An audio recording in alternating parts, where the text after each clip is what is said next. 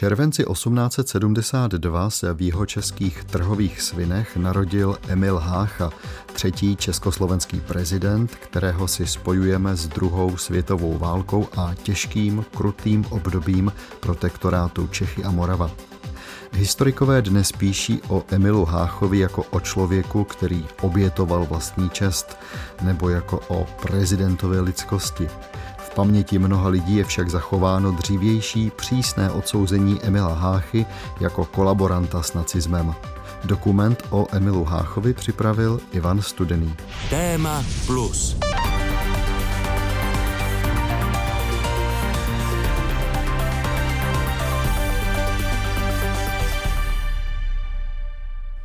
Cyklus Téma Plus teď nabízí dokument o Emilu Háchovi. Pořad lze vnímat jako koláž situací, které se skutečně staly v reálném čase během zhruba jednoho roku, kdy autor příběh kontroverzní postavy našich dějin sledoval. Vedle archivních záznamů zazní také fragmenty divadelní hry, postřehy účastníků konference věnované protektorátnímu prezidentovi, část přednášky historika Josefa Tomeše i rozhovor s publicistou Davidem Hertlem.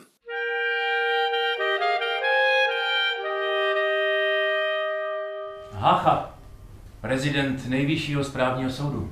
Prezident. Stitel Masarykův, obdivovatel a znalec anglosaského práva, milovník literatury, přesvědčený demokrat a hluboce věřící katolík. Katolík, to by se těm, těm Slovákům mohlo líbit. Emil, čili o Háchovi. Divadelní hra Tomáše Jarkovského a Jakuba Vašíčka. Dovolte mi pár slov za naše divadlo D21. Především bych jako jeho dramaturgyně ráda Praha, Vinohrady, dvůr divadla D21, říjen 2021. Po repríze inscenace Emil, čili o Háchovi, se chystá slavnostní odhalení pamětní desky. Nestojím o chvalospěvy bysty náměstí. Říká nebo spíše zpívá se v textu inscenace. My jsme se přesto rozhodli pro dvůr doktora Emila Háchy. Pod vlivem silného zážitku, kterým bylo objevování při zkoušení této autorské inscenace, jsme se rozhodli pojmenovat prostranství před divadlem D21 Dvůr doktora Emila Háchy. Proč? Protože kde kdo má v České republice ulici, náměstí nebo alespoň zákoutí, jen Emil Hácha nic. A my si myslíme, že si to zaslouží. Ano, lze namítnout, že se jedná o rozporuplnou postavu soudobých českých dějin, ale zcela jistě si tento prezident lidskosti nezaslouží jednostranou a zjednodušující nálepku kolaborant. Na tom se dnes již shodne řada historiků, politologů a také umělců. My se k ním dnešním symbolickým aktem rádi přidáváme. Vážený pane prezidente, společenstvo autodrožkářů vám děkuje za využití služeb taxislužby při cestě z Matějské pouti na Pražský hrad. Je to od hlavy státu věc nevýdaná. Budeme poctěni, pokud našich služeb opět někdy využijete. Není, není pro pražského taxikáře významnějšího rita, než odvést prezidenta z republiky prezidenta republiky za jeho povinnosti a třeba si zdarma. A moc se omlouváme, prosíme vás o strpení, pokusíme se to nenatahovat, nezlobte se za ten déšť, to už jsme nedokázali zařídit, aby nás nepoctil. Tak já nyní předávám s radostí slovu panu Tomešovi. Děkuju pěkně.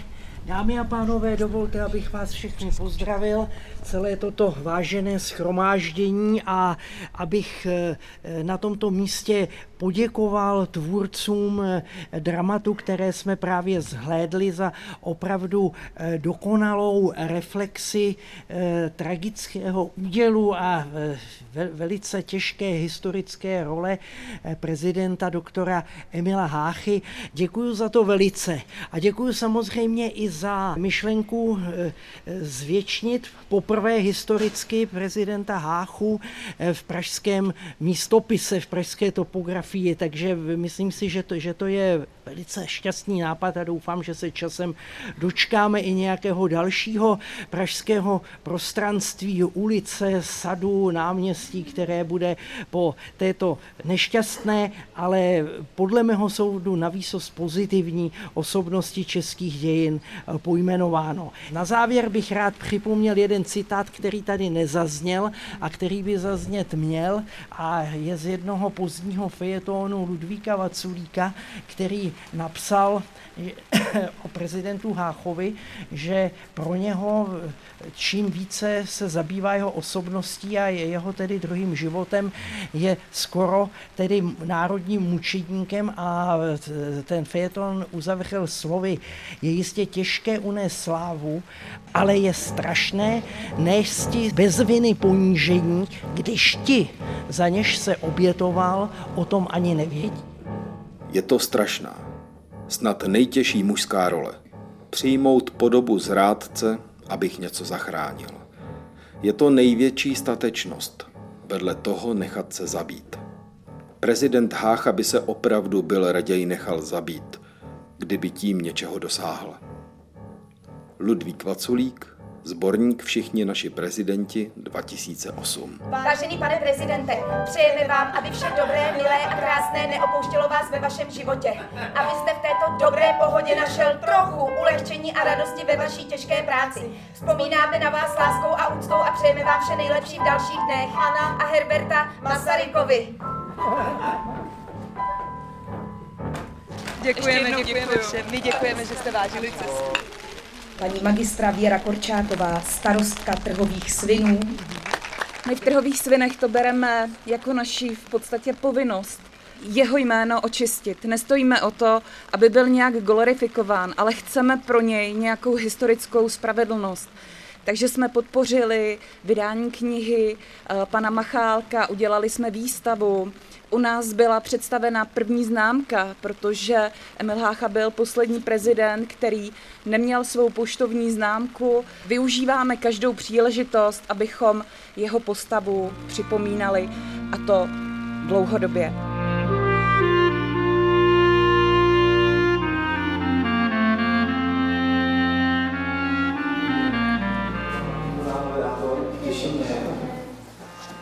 Podívat, dobře, jo. Já jsem rád, že to, já jsem nějak Aha. ale ty Trhové sviny, červen 2022. V kulturním centru se koná konference věnovaná právě Emilu Háchovi. Přednáška uznávaného odborníka na období protektorátu doktora Josefa Tomeše i další referáty ku příkladu o dětství a studiu Emila Háchy nebo vzniku první a jediné české známky s jeho portrétem zlákali nejen mě, ale také rozhlasového publicistu a historika Davida Hertla. Během přestávek v háchovském programu diskutujeme v parku za kostelem. Máš to puštěný? Mám to furt puštěný. Já ti řeknu ještě jednu věc. Eh, nám už na škole vlastně říkali, že dějiny jsou něco, co nikdy nebude mít eh, jeden pevný závazný výklad. Já jsem začal studovat po roce 1990 a to se jakoby přepisovalo to, co nám léta říkali, ten komunistický dějepis. A zároveň nás upozorňovali, že ani to, jak to teď přepisujeme v těch 90. letech, takže to vlastně takhle nemusí být, že to všechno bude jinak. Že každá generace si musí ty dějiny napsat, nemůžu říct znova, ale jinak. Že dějepis to není jenom nějaký jednoznačný vysvětlení, závazný pro dalších tisíc let, ale že to je vlastně naše neustálé vztahování se k tomu, co bylo. Protože my to na základě dneška dokážeme možná jinak pochopit.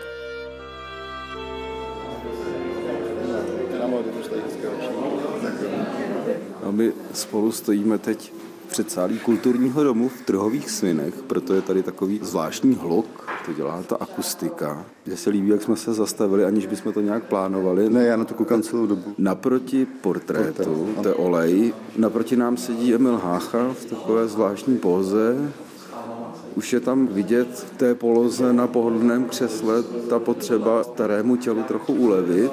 Já si po každý uvědomuji ještě takovou jednu drobnost. On to asi jako nebyl už v tomhle věku úplně takový krásný člověk. My dneska si prostě pořád představujeme sedmdesátníky jako lidi s mladistvým vzhledem nebo s nějakým vzhledem tak kolem 50 let. A ten Hacha asi jako nebyl úplně krasavec v tom věku tak myslím, že i tohle trošku hraje v jeho neprospěch, že jako je vnímán tak jako zvláštně. Když se vlastně vždycky podívám na ty fotky, tamhle je fotka z té knížky, nějaký titulní stránka, že jo. Nevím, jestli ten člověk se někdy dokázal usmát, jakože určitě dokázal, ale já si nespomínám na oficiální portrét, kde by se usmíval. Viděl jsi něco takového někdy? Ne. Já si vzpomínám na tu nádhernou fotku, kdy Hácha je na štědrý den v nemocnici a dává dětem nějaký dárky, což je fotka, o který se velmi často říká, že jako je nesrovnatelná s jakýmkoliv jiným českým, československým prezidentem, kdo chodil na štědrý den mezi těžce nemocné děti do nemocnic. A i tam je jako velmi vážný ten výraz té tváře, jako naprosto takový soustředěný, až jako kamenný. Ale on takový byl, on se vždycky tváří strašně vážně, skoro bych řekl, že přísně, jako, že prostě ideální soudce tohle. Že? Já si teď ještě rychle vzpomínám na takový zážitek tři, čtyři dny starý, kdy jsem byl na knižním veletrhu v Praze a proti mně kráčel eh, více než 90-letý profesor Robert Kvaček, můj profesor na filozofii na dějinách. A to byl člověk, který vlastně první, já jsem tam nastoupil v říjnu 90 a on mi někdy v listopadu, v prosinci 90 zadal první práci o Emilu Háchovi a tak mě to jako nesmírně pobavilo, protože už jsem věděl, že pojedeme sem, tak jsem se k němu hrnul a jenom jsem ho pozdravil. Samozřejmě, že si mě nemůže pamatovat, protože vychoval tisíce českých historiků a tam to vlastně začalo, že já jsem na něj narazil na Háchu v prvním roce na vysoké škole a pak už mě vlastně jakoby nepustil, ne, že bych byl uvrtaný v Háchově, ale pořád, kdykoliv se o něm něco psalo, říkalo, tak jsem se snažil to jako zachytit a nějak to do sebe vstřebat. A, a tady už se schyluje k něčemu. Tak dobrý den všem dámám a pánům, studentkám a studentům. Já vás vítám na dnešní konferenci o Emilu Háchovi, kterou pořádá Informační a kulturní centrum, ale já jsem Emilka. Znala už, když byl ještě dítě. Byl to moc hodný chlapec. Každého zdravil. Ošklivého slovíčka jste od něj neslyšeli. My jsme na něj tady ve svinech všichni tuze hrdí.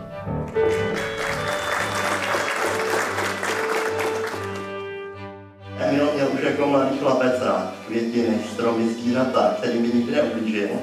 A možná vás to překvapí, ale Emil Hácha byl také vynikajícím běžcem a podle Teodora vždycky jednoznačně vítězil nad svými kamarády a spolužáky.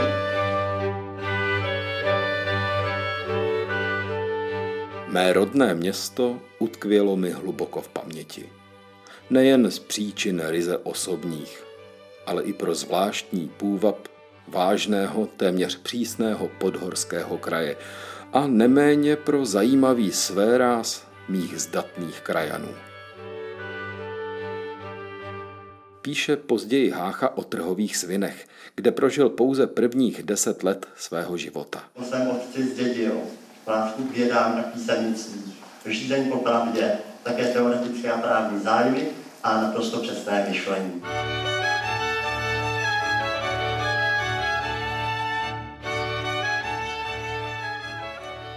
Současné setkání v Trhosvineckém kulturním domě připomíná také patriotický patos, který ovládl trhové sviny v době, kdy byl vážený rodák zvolen prezidentem. Citují se dobové tiskoviny a sborníky, vykrášlující nejryzejší kvality Háchovy projevované od útlého dětství.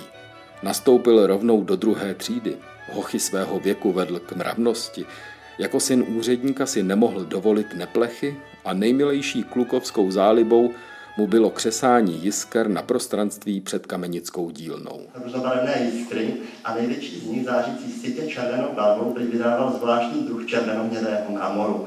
Takže to byla taková dětská záliba Emila Háky. Vážené dámy, vážení pánové, přeji vám krásné středeční dopoledne. Svoje povídání mám nazvané Premiant nebo Uličník s podtitulem Co říkají eh, o Emilu Háchovi školní katalogy. Navštěvoval v Teravých svinech eh, obecnou školu, kam tedy nastoupil pravděpodobně v roce 1878. Tady máme katalog pro první třídu a vidíme, že tam jméno Emil Hácha se objevuje. Sice je uveden až úplně na konci školního roku, nicméně záznam v katalogu pro první třídu má. Je možné, že skutečně byl nadaným dítětem a nastupoval rovnou do té druhé třídy, nicméně pro nějaký formální účel bylo třeba eh, alespoň částečně ho zanést do toho katalogu pro tu první třídu. Eh, za dalším studiem potom v roce 1882 odešel na gymnázium do Českých Budějovic. Emil Hácha byl dobrým studentem, ale s výjimkou primy a sekundy, to znamená v prvních dvou letech studií na gymnáziu. Tam jsou i nedostatečné známky, především tedy z jazyků. Na konci teda vždycky to zvládnul, nepropadl, postoupil vždycky do dalšího ročníku. Nepřesvědčivé zahájení studia na gymnáziu si lze snadno spojit s odloučením od rodičů i s úmrtím Háchova otce. Poté, co se Emilova matka už jen s mladším bratrem Teodorem přestěhovala do Budějovic, Háchův prospěch byl už vynikající. Ve 23 letech promoval na právnické fakultě České univerzity v Praze. Poté, co získal solidní zaměstnání, se oženil se svou sestřenicí Marí Klauzovou, kterou miloval od prvních let právnických studií. Ten Hákův osud je jedinečný i v tom, že se vlastně skládá ze dvou časově, ale i kvalitativně nesouměřitelných a dokonce vzájemně protikladných etap. Hákův život, Hákův životní příběh od raných dětských let až na práh stáří byl v podstatě, dá se říct, velice pěkným, idylickým příběhem člověka, který dosáhl toho, čeho dosáhnout ti chtěl a snad i něčeho navíc. Tušíš ty za pozdních večerů, že touhy mé chvějí se v éteru, v tajná, že tisknou tě obětí a k ňadrům ti po celý doletí?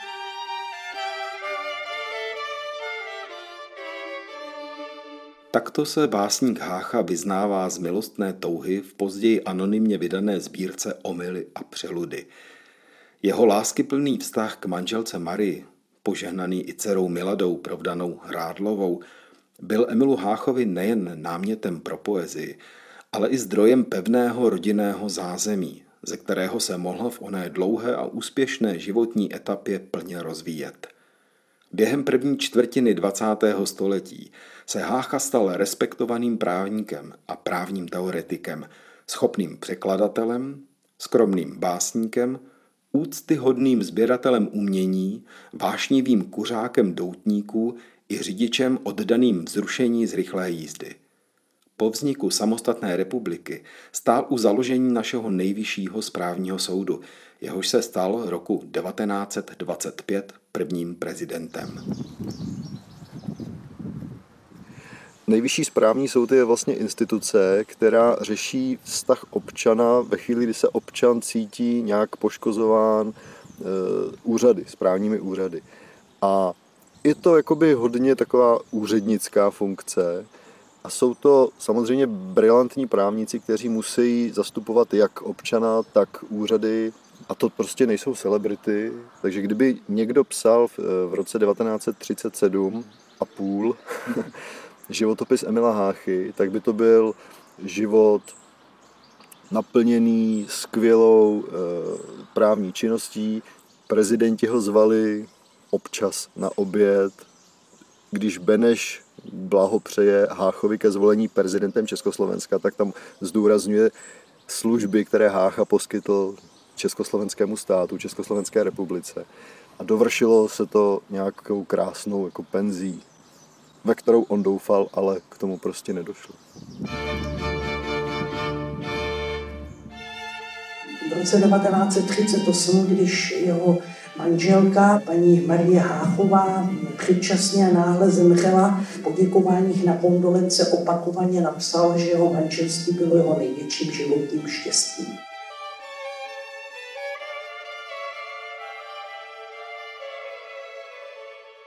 Bez ní jsou sítě mé všechny zas pusté a prázdné.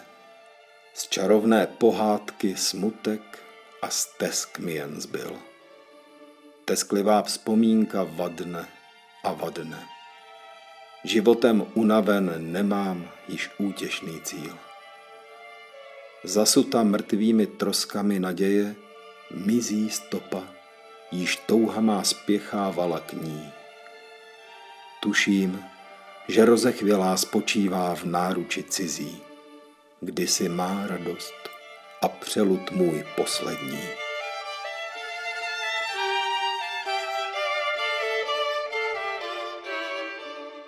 Háchovo očekávání, že když už ho ta tragédie odchodu jeho manželky postihla, takže se svou čerstvě rozvedenou a s ním žijící dcerou dožije zbytek života, v němž se konečně bude moci věnovat eh, naplno literárním zálibám, četbě těch či oných autorů. No ale bohužel tato jeho tužba se nenaplnila a přichází v tom roce 1930, to jsou tou smutnou událostí smrti Háchovy manželky vlastně anticipováno to poslední krátké, sedm let trvající období jeho života, které, myslím si, můžeme bez nějakého jaksi patetického nadsazení nazvat antickou tragédií. Hácha prohlašoval, že pro prezidentský úřad není stvořen že nemá žádné politické zkušenosti a že reprezentační povinnosti jemu, který žije spíše v ústraní, nepřísluší už vůbec. Pamatují se, jak mi s ústraným výrazem řekl, víte, co se na mě chystá? Není to koruna. Je to koruna trnová. A já se tak těšil na klidnou penzi. Jindy se zase zmínil, že loď se sice nahýbá, ale jen tomu se opravdu divím, kolik lidí pojednou si vzalo do hlavy, že právě já mám vlastnosti kapitána. Československý rozhlas vysílá všemi stanicemi popis a zpravodajství o volbě prezidenta republiky. Kromě závěrečné části, která bude vysílána je asi hodně zajímavé zjistit, jak se třeba v našich dějinách někdy opakují takové věci, jako je určité zklamání lidí z politiky a kam až to může vést. Já si myslím, že Mnichov byl pro řadu lidí opravdu naprosto fatální záležitostí, protože oni 20 let žili v něčem, co teď bylo během několika dnů popřeno, nechci říkat rovnou rozmetáno, ale to, co jim eh, bylo léta podáváno jako nějaký základ nebo jako vůbec princip jejich existence, tak najednou bylo označováno za špatné, za to, že to selhalo. Pochopitelně, že část té zloby nebo těch negativních emocí se obrátila směrem k politice. Tam přece nebyl ve hře jenom Hácha, tam se mluvilo o bankéři Priceovi, o hudebním skladateli Ferstrovi, jako možných eh, kandidátech na prezidentskou funkci. A mně to přijde jako, že ti politici, kteří asi věděli, že řada z nich nějakým způsobem selhala nebo nedokázala reagovat na vývoj událostí, takže najednou jakoby chtěli do politiky nastrčit nepolitickou osobnost s tím, že to vlastně uspokojí tu veřejnost a my si budeme politiku teď budovat od začátku, začneme jako znova. Nikdo netušil, že bude za chvíli válka. Nebo možná se toho někdo bál, ale nikdo si neuměl představit to tempo těch událostí. Tak že to nakonec padlo na Háchu a že nakonec Hácha na to kývnul, to přece mnozí v tu chvíli vnímali jako, jako dobrou věc. Ano, zase byl tady ten prezident nejvyššího správního soudu, člověk mravně, naprosto zachovalý, o jehož citu pro spravedlnost prostě nebylo vůbec žádné pochybnosti. Ale nikdo se ho třeba neptal na jeho politickou orientaci. Nikdo si asi nedokázal představit, že se blížíme do dob, kdy bude zapotřebí vůdce, Eh, politický vůdce, občanský vůdce, možná i vojenský vůdce a že to bude zapotřebí mít charismatického člověka. To asi v tu chvíli se nezvažovalo vůbec, nebo, nebo to ani jako nepřišlo na přetřes taková myšlenka. Vždyť se přece říkalo, že pan prezident nepřijde do situace, že by o něčem zásadním rozhodoval. Tak si myslím, že to je otázka i na nás, voliče, dneska neustále mít na paměti, že si volíme politickou reprezentaci a že od těch politiků něco očekáváme a rozhodně od nich neočekáváme to, že v nějakou složitou chvíli hodí to všechno jako pryč tu politiku za hlavu a půjdou hledat nepolitickou osobnost známou, od které očekávají, že převezme nějakou odpovědnost. Což je samozřejmě strašně složitý, když teď nad tím přemýšlím a vzpomenu si na ukrajinského prezidenta, eh, který se živil jako herec, vzpomenu si na Ronalda Reagana, který se živil jako herec. Já ty lidi vůbec eh, nechci schazovat a nesnižuju jejich hodnotu a význam pro dějiny, protože oni prokázali jednoznačně, že ve správnou chvíli se zachovali jako vůdci, jako přirození vůdci. Zároveň po učení dějinami víme, že Emil Hácha dělal, co mohl a jestliže se o něm hovoří jako o prezidentu lidskosti, tak je to naprosto nespochybnitelná pravda. Zároveň ale mám jisté pochybnosti, zda byl tím přirozeným vůdcem. Žádám vás proto, pane prezidente, abyste maje pravou ruku položenou na ústavní listinu republiky, pronesl slib předepsaný v paragrafu 65. ústavní listiny a tím potvrdil, že přejímáte povinnosti uložené vám volbou a slibem. Slibuji na svou čest a svědomí, že budu dbát i blaha republiky i lidu a šetřit ústavních a jiných zákonů.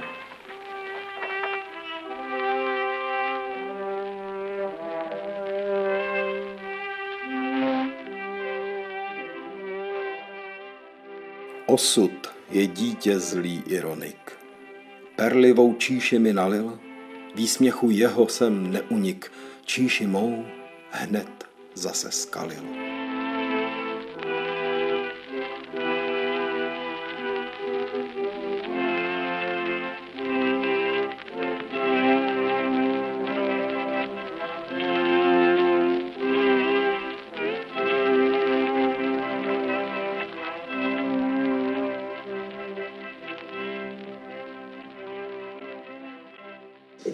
nastupoval do funkce, tak ministerský předseda Beran, teď ještě ne, ale to signovaný, se měl vyjádřit slovy, že pan prezident nepřijde do situace, ve které by musel rozhodovat. A vidíte, nakonec bohužel byl Hácha postaven před nejstrašnější a nejosudovější, nebo aspoň jedno z nejstrašnějších a nejosudovějších rozhodnutí našich jaksi moderních eh, českých a československých dějin. 14. březen 1939. Zvláštní vlak uhání krajinou. Ulovosic překračuje hranice říše. Po delším rozhovoru s říšským kancléřem a po zjištění situace rozhodl jsem se. Slova se klidným tónem ujímá maršál Göring. Vůdce dal proto dnes rozkaz. Velké nástěné hodiny začnou odbíjet aby dnes v 6 hodin ráno vpadlo naše vojsko ze všech stran do českých zemí. Nyní se zde rozhodne o tom, zda toto obsazení proběhne krvavě a nám pak nezbyde, než se mstít za utrpěné ztráty, nebo se vám podaří zabránit krajnostem. Rozčilený starý pán se nadechuje k námitkám, ale zmáhá ho stále silnější nevolnost. Rozhodl jsem se prohlásit že odevzdávám osud českého národa a státu s plnou důvěrou do rukou vůdce německého národa. Podlehl eh, hrubému násilí, které bylo proti němu vyvíjeno eh, bezprecedenčnímu násilí v Berlíně ze strany Hitlera, Geringa a další, že snažil se vzpěčovat jaksi jejich atakům a požadavkům, ale byl v strašné situaci. Československý stát se vlastně krátce předtím rozpadl. Už byl reprezentantem pouze jeho zbytků kleštěných českých zemí. On potřeboval dosít si nějakého modu vývendy s tím mocným Německem, kterému západní demokracie prostě ten středoevropský prostor jednoznačně přenechali. Za tento projev důvěry dostalo se mi slibu, že našemu národu bude zabezpečena svébytnost a svéprávný vývoj národního života. Jasně, Emil Hácha mohl nepodepsat, mohl demonstrativně spáchat sebevraždu, mohl mačkat papír, který mu Hitler předložil k podpisu a nechat se, nevím, zastřelit nebo nechat si píchnout nějakou injekci a už se neprobudit.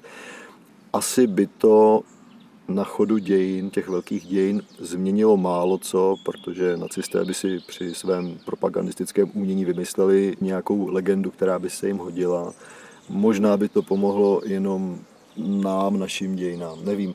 Hácha vždy tvrdil, že papír, který podepsal, že neměl žádnou cenu. No samozřejmě, právník ví, že žádný prezident nemůže odevzdat území svého státu někomu jinému, že to je naprostý nesmysl, absurdita.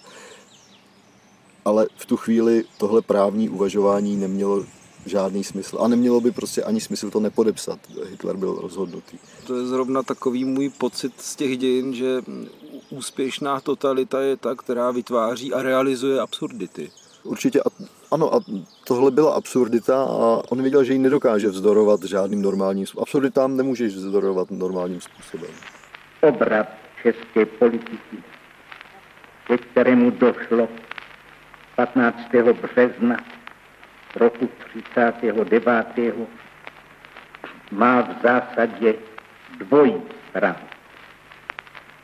Jedna, zajisté hlavní, je změna našeho státoprávního postavení. A vyplývá z přírodního zákona, že malý národ může svou existenci zachovat jedině tím, svěřili se ochraně národa velikého, níž sdílí společný prostor. Musíme mít i před očima stále jasný cíl. Být jednou z nejdokonalejších složek velkoněmecké říče. Ale dlužno říci, že on mm, nepřijal tuto funkci pasivně.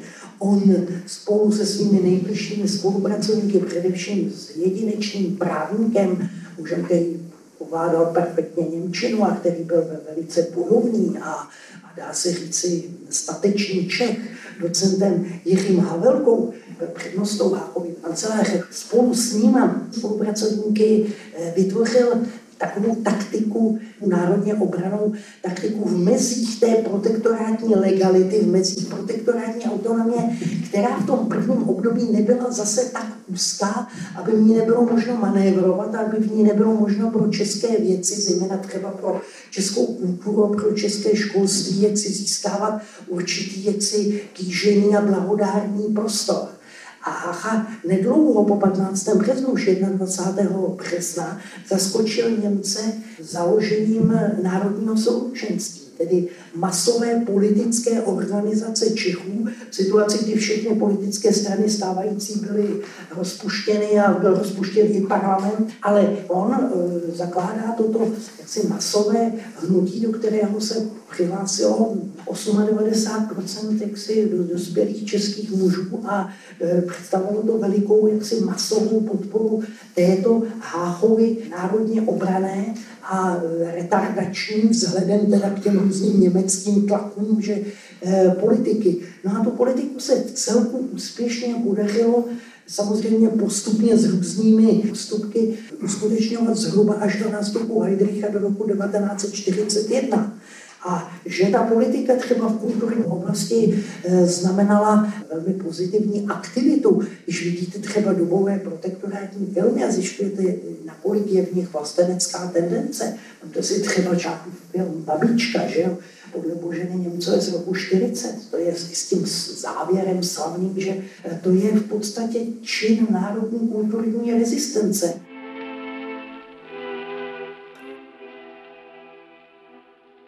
Beznaděj, dítě, je hořký druh. Beznaděj, sestra je smrti. Jedna mne sevřela ve svůj kruh, druhá mne na zítří zdrtí.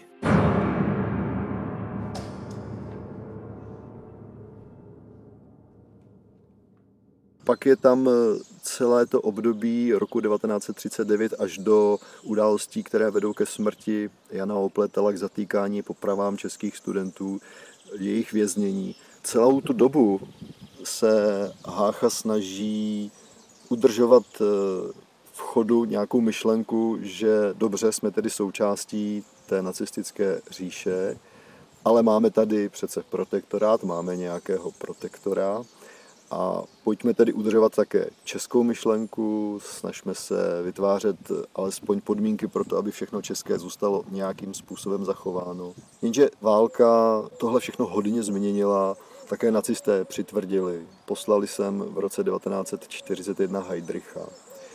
Mnohé se Háchovi podařilo. Je patrné třeba z těch písemností, které vyšly ze vzpomínek lidí, kteří pracovali v Háchově kanceláři, tak je dodnes jasné, jak eh, detailně se připravovaly třeba eh, Háchovy projevy, jak byla vážena každá projevená vstřícnost vůči nacistům. A na druhou stranu, co za to Hácha reálně dostane, jestli propustí nějaké studenty, jestli se podaří intervenovat, aby někdo dostával do vězení balíčky, jestli se podaří zachránit ten nebo onen život. Hácha jednou řekl Ivanu Metkovi, nebo rodičům eh, Ivana Metka, že on dobře ví, že spousta lidí ho bude nenávidět a budou říkat, že oni by tohle nikdy neudělali. Hácha k tomu dodával, protože jim jde o jejich vlastní čest. A mně nejde o tu čest, říkal Hácha, mně jde o ty lidi, já potřebuju zachránit ty lidi. Tohle byly drobné krůčky, ale podstatná část toho všeho bere za své právě příchodem Reinharda Heydricha do Prahy, protože to už je jiná třída, to už není ten říšský protektor Konstantin von Neurath, ten šlechtic, který sice byl nacista, ale šlechtic. Teď přichází voják, policajt, v tu chvíli už nastává vlastně úplně jiný režim. Dádu! Reinhard Heydrich. Jistě se k vám už, pane prezidente, donesla zpráva o zatčení ministerského předsedy Eliáše a doktora Havelky. Mein Pathos brachte dich gewiss zum Lachen. Vy jste tu měli zřejmě dojem, že jste tichí, zatímco my jsme hloupí. Von Sohn und Wörter weiß Mýlili jste se. nichts zu sagen. Obojí. Ich sehe nur Němci tedy svou represivní politiku eskalovali.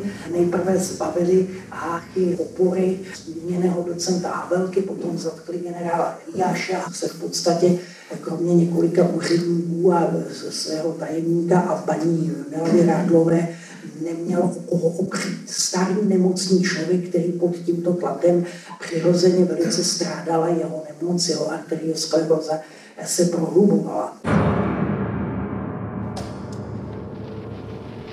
Všechna tvrdá opatření velkoněmecké říše, která nás dosud postihla, byla vyvolána nesmyslnými pokusy o politický odpor podněcovanými z ciziny panem Benešem. Také za odporným útokem vražedným na pana zastupujícího říšského protektora generála Heidricha zřetelně se rýsuje jako strujce žoldnéř nepřátelských mocností pan Beneš. A tak padá na hlavu jeho i těch, kteří mu pomáhají. Kledba o něch českých rodin, které svým zločinem uvrhli do nového neštěstí. Češi, kteří se řídí pokyny své zákonné vlády, nemají se čeho obávat, ti budou dále spokojeně žít. Ti však, co neuposlechnou mých slov jako svého jediného zákonného prezidenta, ti, co nebudou dbát pokynů české zákonné vlády v naší zemi, ti budou zcela zaslouženě potrestáni. Nicméně i v tomto období, tak jako v období předchozím, Hácha se velice aktivně angažuje ve věci intervence za mnohé zatčené české odbojáře. On s odbojem má nepřímé styky, dokonce i se zahraničním odbojem prostřednictvím Zdeňka Bochta do Halského. A on, a to je třeba říci, dokáže z těch si německých koncentračních táborů a někdy z předsálí německých popravišť dostat, když ne přímo na svobodu, tak to do lepšího a život neohrožujícího postavení. 2000 českých studentů z akce 17. listopad se postupně v letech 1940 až 42 Ty poslední intervence byly ještě za Heidricha a nejvíc těch studentů se vrátilo do té maloznamu na jaře roku 42, kdy už tedy Hácha byl samozřejmě zazený ten, té národně obrané politiky, to už bylo po začení Eliáše a tak podobně. Takže jeho činnost dokonce i v tom období ještě po roce 41, kdy vláda původně uvažovala o tom, že odstoupí a on, že odstoupí s ním, to bylo po začení generála Eliáše, potom ve vládě mm, došlo k takovému jaksi hlasování, kdy jaksi e, z toho byla remíza a Hách se respektem k tomuto, ale i po úvaze, že má možnost zachránit generála Eliáše, stejně tak zachránit Jiřího Havelku. A to bylo pro něj důležité. Víte, Hácha, a to je třeba říci, e, nebyl profesionální politik. A on se eh, nikdy nerozhodoval ve prospěch politického, nějakého třeba momentálního mezinárodně politického zájmu budoucí Československé republiky. On vždycky mezi lidským a politickým dával přednost tomu lidskému tedy záchraně jaksi jednoho každého lidského života. On žil v takových těžkých dilematech mezi etikou národní cti a mezi tedy etikou, jaksi obyčejnou lidskou etikou, v níž hodnotou je lidský život. On jak se vykupoval české životy nějakými ústupky tomu režimu obvykle v oblasti propagandy. Ale já se na to můžu přeci podívat i z druhé strany, že ten režim, ten nacistický režim, si vodil Emila Háchu tak, jak potřeboval a jako nástroj proto měl životy pro ten režim naprosto nezajímavých a nedůležitých rukojmích. Tomu režimu stačilo pozatýkat pár set studentů a mohli s protektorátním prezidentem dělat, co chtěli, protože věděli, že on je z pohledu toho nacismu slabým vůdcem, který prostě podlehne jakému si soucitu, empatii, něčemu, co víme, že ti nacističtí pohlaváři považovali za slabost, měkost, malost. Nepochybně tenhle ten pohled, o kterém teď mluvíš, tak je oprávněný, ale co vlastně chceš slyšet? Měl být Hácha eh, tvrdší, žádné ústupky nedělat riskovat to, že nacisté si budou v protektorátu počínat daleko tvrdším způsobem. On takový asi nebyl. Nechceme od něj něco, co prostě on nebyl schopen dát, nabídnout vůbec. Víte, že se už tak zmohl, že už vyhlašuje trest smrti? A s Hitlerem je jedna ruka. Víte, že mu dal do úschovy české korunovační klenoty? A to mě právě dožralo a proto ho já chci ho volat k zodpovědnosti. Ale vždycky jste k němu byl milosrdný a teďka najednou takový... Od samcať až pod samcať, dokud Hácha byl jaksi vězeň Němců, dokud dělal pod nátlakem gestapa, řeknu si, je to starý dědek, pára nad hrncem, nechám ho být. Ale teď podepisovat, co mu Heidrich nadiktuje, klenoty korunovační do Německa posílat, pravici fašisticky zdvíhat na Pražském hradě? No to víte, staroba, choroba, oběh krevní, prostatička, to víte, jak to chodí. A co je komu do toho? Co je národu do toho? Proč nesedí v Podole na stolici? Proč sedí v, na prezidentském křesle? Proč posílá lidi na popraviště? No, no je to k steku. Já si myslím, že dodnes pro řadu lidí zůstává Hácha tím v úvozovkách zrádcem právě pro onu nečitelnost. Že my si vlastně neumíme představit, co on v těch projevech vstřícných k nacistům myslel vážně. Nevíme, co přesně mu kdo napsal do těch projevů, jestli vůbec on má nějaký podíl na tom, že ty projevy vznikly, nebo jestli mu je kompletně psal Emanuel Moravec nebo kdo. My to prostě nevíme a my v těch dějinách máme trošku zmatek je tady ještě druhá dimenze a to je dimenze etická a axiologická. A v této dimenzi, troufám si říci, asi ten spor, jak si poháku nebo ne, nikdy definitivně rozřešen, protože se dotýká rozdílných hierarchií hodnot u jednotlivých lidí. Máte lidi, kteří eh, jaksi vyznávají boj s nepřítelem do posledního vojáka a prostě neznají kompromis, neznají ústup že je to hezká taková rytířská etika, ale ne vždycky zcela praktická, hlavně neakceptovatelná většinou národa, doufám si říci už vůbec ne většinou českého národa, který akceptuje spíše tu druhou, která jaksi e, vyznává kompromis a ústup za cenu záchrany lidských životů a hodnot, ať už teda duchovních, anebo i materiálních.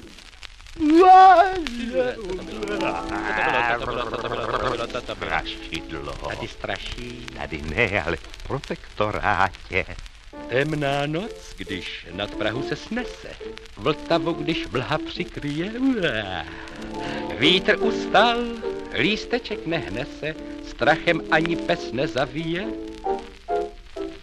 Praha spí a prašná brána zývá. Monotónně šplouchá vltava. Lampa skřípe, jak se v mlze kývá a pod ní se šátrá postava. Jak to divně blátem capká, je to dědek nebo babka. Má nějak nos jako pták a míří na Václavák. Pod plachetkou oba hnáty křivé jde k pomníku krále Václava. Tam se modlí za mrtvé i živé, kdo to může být ta postava? Já si říkám také, ano, kdyby on v tu chvíli odstoupil, když přišel do Prahy Heidrich, když zatkli generála Eliáše, tak nepochybně se stane asi něco nepěkného, horšího, možná by ten nacistický teror byl silnější v protektorátu a zcela určitě by nastoupila reprezentace víc pronacistická, víc kolaborující. To by taky nebylo dobře pro ten národ, ale bylo by to čitelné. Protože bychom prostě už věděli, že tady nastal ten zlom a v tuhle chvíli nastoupili lidé, o kterých si můžeme říci, ano, tohle jsou naši nepřátelé. Hácha zůstává ve své funkci až do toho nejtrpčího konce. Stává se vlastně díky své nemoci už jenom takovou, já nechci říct loutkou, to je nepěkné slovo, ale vlastně takovým jako pozorovatelem událostí, ani ne subjektem, ale spíš jenom objektem těch událostí a dějin. A to je, myslím, to, co spoustě lidí do dneška vadí, pokud vůbec tedy nad tématem Emilácha přemýšlejí, že si říkají, bylo to nutné, měl to zapotřebí a co vlastně byla jeho vůle a co dělal z donucení a o čem věděl, že to ještě dělá a co už šlo úplně mimo jeho chápání, protože to byl prostě nemocný člověk. Já myslím, že spousta politiků má v sobě takový ten komplex toho mesiářství, že si říkají, mám nějaké poslání, já to musím splnit, to poslání. Pak taková ta typicky česká věta, když to nebudu dělat já, tak to bude dělat někdo horší. No ano, tak to prostě někdy je, že když to nebudeme dělat my, tak to bude dělat někdo horší, bude to dělat hůř. Ale bude to prostě zřetelné, bude to průhledné, bude to jasné. Teď to dělá někdo hůř, dělá to nějaký kolaborant, dělá to nějaký přisluhovač nacistů a my to všichni víme. Je to prostě pro ty lidi, kteří v té době žijí, tak je to pro ně srozumitelné sdělení. Hácha, dědeček hácha, očička má krhavý, a ručičky krvavý, Hitlerův brácha, v krvi se máchá. Náš drahý Emile, ty skončíš nemile. Byli jsme spolu na konferenci o Emilu Háchovi v Trhových svinech, která svědčí o tom, že máme chuť se nějak s příběhem Emila Háchy vyrovnávat. Napadá tě, proč zrovna teď, jestli je v té dnešní době něco, co dává podnět k tomu zkoumání Emila Háchy dnes? Já mám pocit, že to téma Emila Háchy se tak od těch 90. let pomalu dostává do té veřejné debaty, i když na té konferenci zaznělo, že on v tom veřejném prostoru moc není. Možná je to právě tím, že už tedy opravdu jsme dost dlouho potom v roce 89, dokdy byl vykreslován jako jednoznačně záporná osobnost. A možná je tedy na čase akceptovat ta několika letá zkoumání historiků a uvědomit si, že tady byl prezident v nesmírně složité době, kterou si samozřejmě nepřejeme, aby se jakkoliv vrátila, byť už i teď si umíme představit, že něco takového by zase mohlo nastat a že ten člověk dělal, co bylo v jeho silách.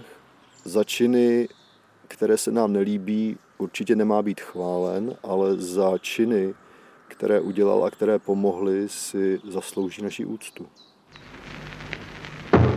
Drazí spolupčany, 15. března 1944 navštívil Emil Hácha Český rozhlas, kde bylo natočeno několik pokusů o projev k pátému výročí vzniku protektorátu. Ještě jednou snad, pane prezidente, a jak si rázněji, aby bylo jak si vidět, že pan prezident trošku jak to sám...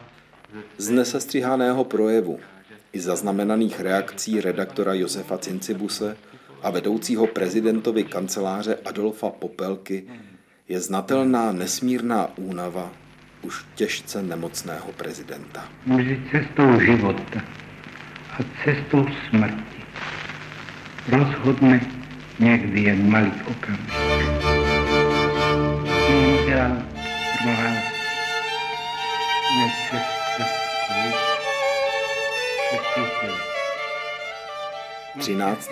května 1945 vydalo ministerstvo vnitra na Emila Háchu zatykač. Z Lánského zámku jej auto Pražské záchranné služby dovezlo do vězeňské nemocnice na Pankráci. Stav pokročilé arteriosklerózy se i kvůli akutní angíně velice rychle horšil. A 27. června v 21 hodin prezident Emil Hácha umírá. O jeho skonu nesměl informovat tisk a na rodinné hrobce se nesmělo objevit jeho jméno.